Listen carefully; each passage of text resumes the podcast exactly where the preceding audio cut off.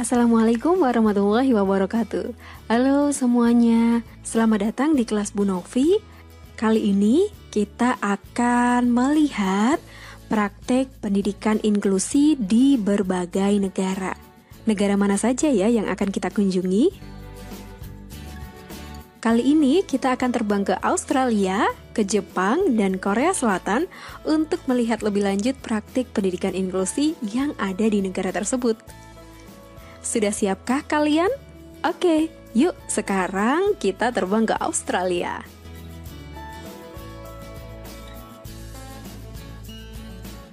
Nah, kita sudah di Australia.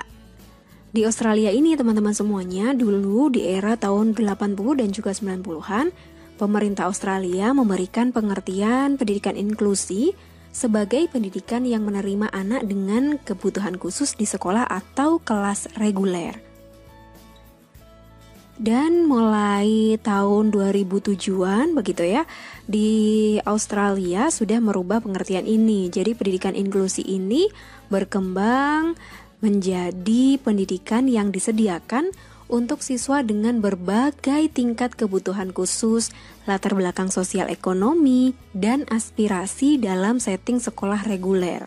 Searah dengan pengertian itu, sekolah-sekolah di Australia lalu menyiapkan diri untuk menjadi inklusif dan responsif dengan mengubah kebijakan, praktik pengelolaan, dan latar budaya sekolah.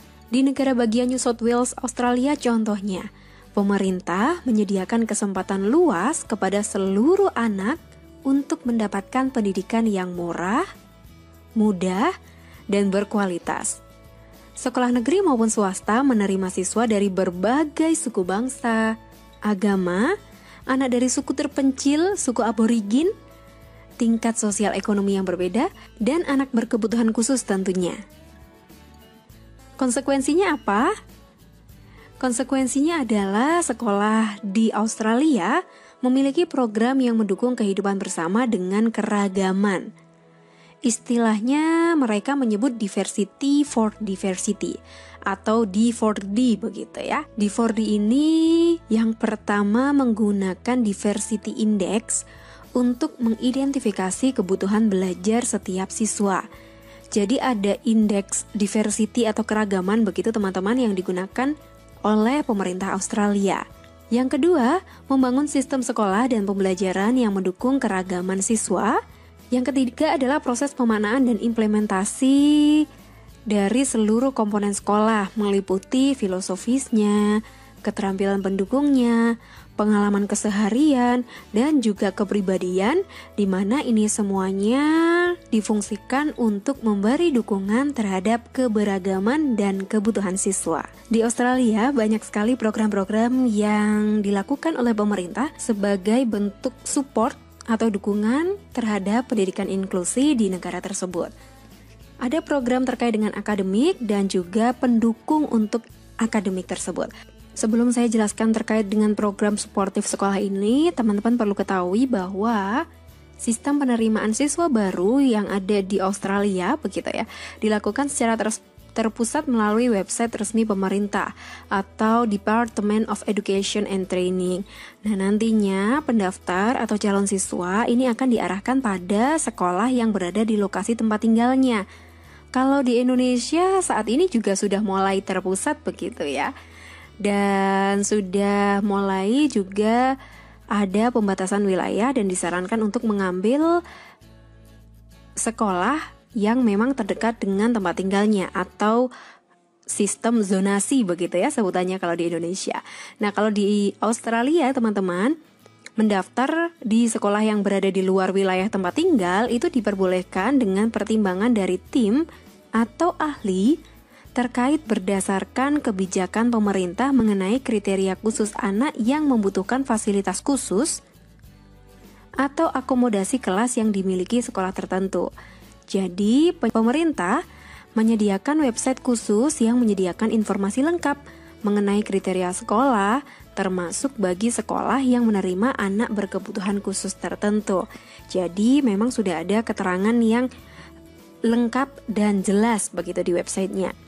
Nah, apabila akan mendaftarkan anak berkebutuhan khusus ke sekolah, ini orang tua bisa berkonsultasi pada kepala sekolah yang dituju. Lalu, berdasarkan konsultasi tersebut, kepala sekolah bersama the school support team ini akan memberikan saran pada orang tua mengenai penempatan anak apakah si anak ini bisa ditempatkan di kelas reguler dengan pendukung tambahan atau di kelas khusus baik di sekolah reguler atau harus ditempatkan di SLB begitu teman-teman. Jadi penempatannya tidak asal begitu. Sudah melalui tahap seleksi, sudah dilihat juga apakah sekolahannya itu mumpuni berdasarkan dengan fasilitas, lalu gurunya dan lain sebagainya. Nah, lalu pemerintah ini memberikan program support dukungan untuk sekolah-sekolahan sehingga sekolah bisa tetap melaksanakan pendidikan inklusi. Yang pertama adalah program akademik. Di program akademik sendiri ini ada The Learning Assistance Program.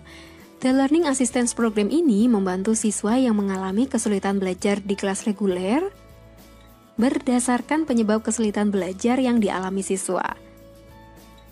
Program ini biasanya untuk siswa dengan gangguan kesulitan belajar seperti disleksia, disgrafia, dan diskalkulia. Selain itu, tunagrahita ringan dan gangguan bahasa.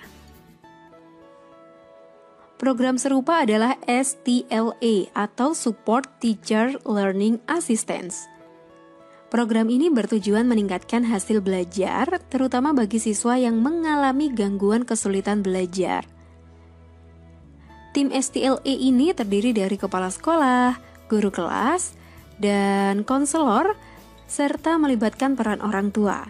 Tim STLE ini merupakan bagian dari The School Learning Support Team, di mana support timnya ini bertugas untuk melakukan identifikasi dan asesmen kesulitan belajar yang dialami siswa.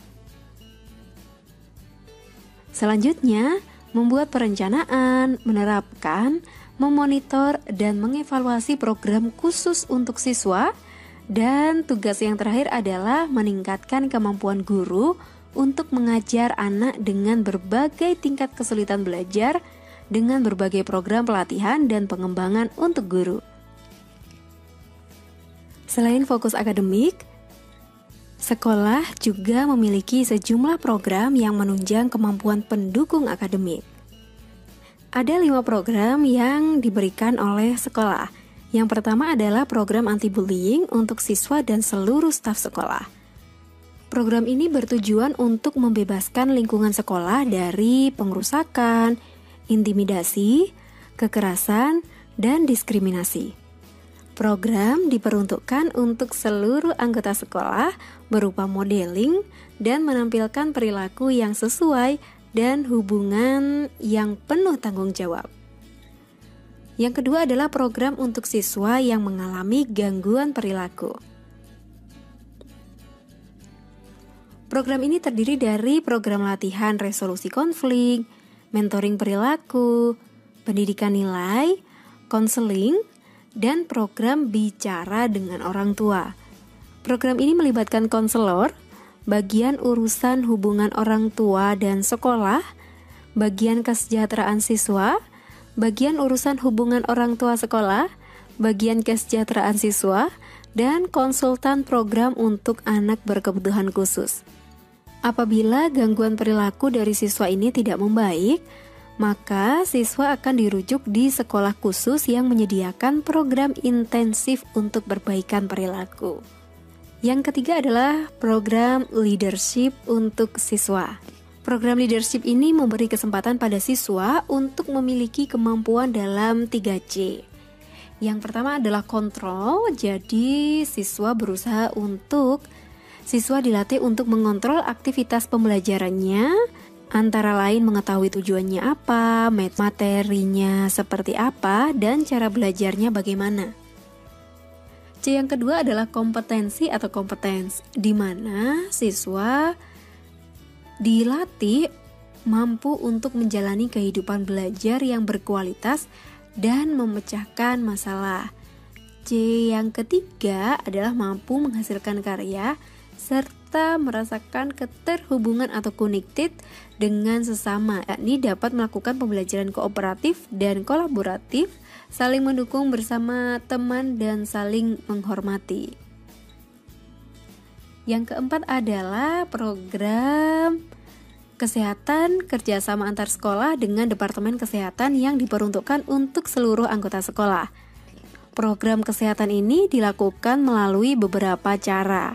Yang pertama adalah terkait dengan kurikulum nih teman-teman.